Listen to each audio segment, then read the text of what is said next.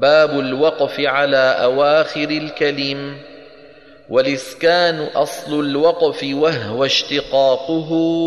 من الوقف عن تحريك حرف تعزلا وعند أبي عمرو وكوفيهم به من الروم والإشمام سمت تجملا وأكثر أعلام القرآن يراهما.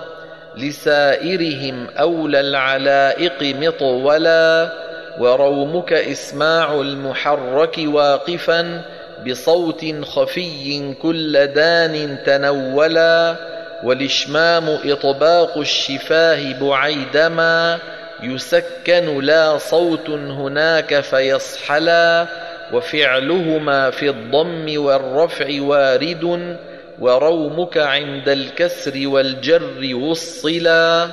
ولم يره في الفتح والنصب قارئ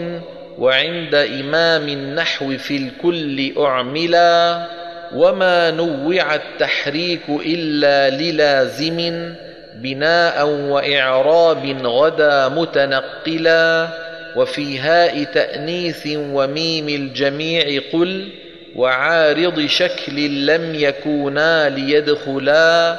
وفي الهاء للإضمار قوم أبوهما ومن قبله ضم أو الكسر مثلا أو ما هما واو وياء وبعضهم يرى لهما في كل حال محللا.